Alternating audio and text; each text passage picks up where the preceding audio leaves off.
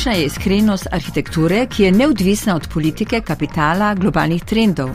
Se lahko njena iskrenost zrcali že v procesu načrtovanja skozi odkritost arhitektove misli in njegovega pogleda na svet? Ta in še mnoga druga vprašanja so si zastavili arhitekti, študenti in ostali soudeleženci letošnjih piranskih dnevov arhitekture. Filozofinja Mateja Kurir takole razmišlja. Seveda me je zanimalo, ali lahko kaj povem o tem, kakšna je iskrena arhitektura danes. Moja teza je bila, da je iskrena arhitektura danes lahko tista arhitektura, ki dejansko nagovarja ekološko krizo. Podnebne spremembe, ki nas pestijo, ki lahko dejansko vse sprašuje, kako danes graditi, oziroma kaj danes sploh početi s prostorom. Vemo, da naš čas predvsem zaznamujejo krize. Okoljska kriza je največja kriza, verjetno, ki nas zaznamuje. In arhitektura je postavljena na križišče, torej kam naj gre. Arhitektura in gradbeni sektor porabita ogromne količine materijala za postavitev novih stavb ali infrastrukture. Ali to res potrebujemo, se sprašuje Mateja Kurir. Ker nekateri podatki, ki, ki grejo v prihodnost, pa nam izkazujejo, da se bojo v Evropi dogajale nekatere v bistvu zanimive spremembe, nekateri zanimivi trendi, ki so drugačni kot trendi, ki se jih nakazujejo drugod po svetu. En izmed trendov je ta, da ne bi se populacija evropejcev v naslednjih 30 letih zmanjšala za 40 milijonov, medtem ko bo populacija na svetu izrazito rasla. Torej, mesta bodo imela manj prebivalcev, še posebej v Evropi. Ali je sploh potrebno toliko graditi? Namreč podatke kaže tudi za številne stavbe v mestih danes, ali, ali uh, zapuščene, ali pa uh, jih uporablja en človek, čeprav bi verjetno lahko naseljevali številne ljudi. Skratka, so na pol prazne. Ne? Tako, mislim, da 20% stavb v Evropi, v nekem poprečnem evropskem mestu, um, dejansko je poduporabljen ali ga uporablja ena oseba, ali pa sploh nihče. Torej, je verjetno relevantno vprašanje za arhitekturo tudi to, ali še potrebuje sploh graditi Debat in predavanj je bilo seveda veliko. Na dvodnevnem srečanju Piranski dnevi arhitekture so podelili tudi mednarodne nagrade Piranezi. Med nagrajenimi projekti je tudi projekt Hiša v središču Domžal, ena redkih ohranjenih hiš v naselju. In čeprav ne gre za zaščiteno arhitekturno dediščino, se nam zdi pomembno ohranjati tudi anonimne arhitekture, pravita avtorja projekta Žiga Ravnikar in Eva Senekovič iz biroja A2O2 Arhitekti ki prispeva k eh, ohranjanju grajenega tkiva in identiteti kraja. Hkrati si želimo, da bi objekt lahko predstavljal nek alternativni, finančno vzdržljiv pristop k prenovam enodružinskih hiš, ki so usklajene z okoljem um, in trajnostne. Veliko smo se pa ukvarjali, kako vzpostaviti odnos novega in starega, kako ohraniti stare stene in stara okna. Stara okna so bila tudi ena zelo pomembna tema. Te hiše, tudi lastnika, sta jih sama obnavljala in se tekom tega procesa močno navezala na hišo. In s tem, da smo ohranili staro voj in eh, stavno pohištvo, smo v resnici ohranili del tega starega ambienta, ki ga z novo gradnjo ne moremo pa ustvariti. Nove elemente smo pa jasno ločili od obstoječega tkiva. Ta hiša bi lahko bila vzgled za ohranjanje marsikaterega mestnega jedra v manjših naseljih po Sloveniji ki zelo hitro zginjajo in se izgublja identiteta krajev. In ta hiša v resnici kaže en finančno vzdržen pristop, kako stare objekte spremeniti v nova domovanja.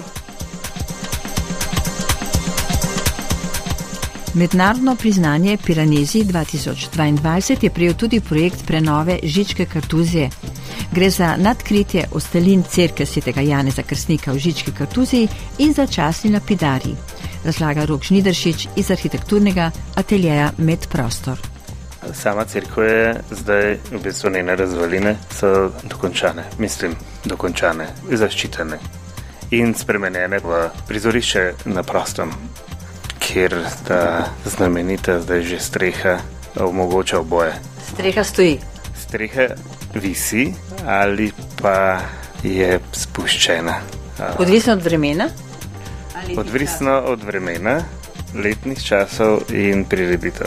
Ideja je, da bi bila poleti odprta, po zimi zaprta in med prireditvami po potrebi, bodi si odprta, bodi si zaprta. ta projekt je bil izrazito skoncentriran na same ostaline velike redovne cerkve, zgornjega samostana Žičke Kartuzije.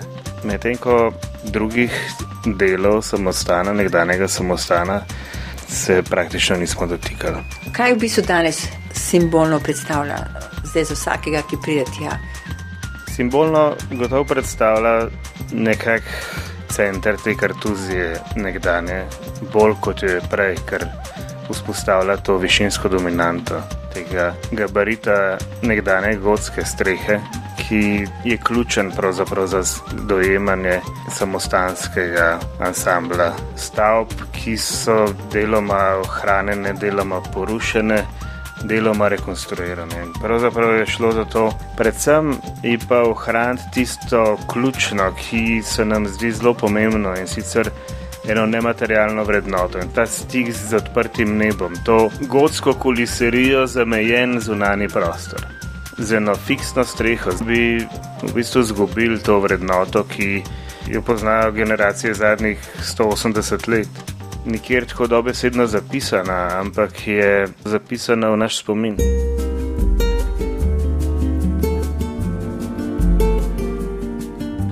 Po drugi strani smo pa želeli vzpostaviti en resen, sodoben dialog s tem prostorom. Torej se je spojila s sedanjostjo. Ja, to je bil nekak namen, da bi se, da bi se da razločiti vse sloje zgodovinske, ampak da bi bili te avtonomni, da bi pričali vsak svojo zgodbo in hkrati, da bi bili ena taka uglašena pozorska celota, da izraža nek mir. In ta mir smo si želeli nekako ohraniti. Ljudje pravijo, da, da se je to zares zgodilo, no? to se mi zdi najbolj pomembno.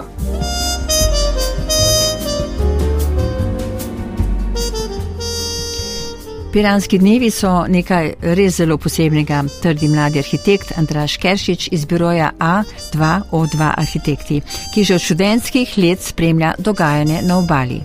Ja, to je bil en super pobeg iz Meglene Ljubljane.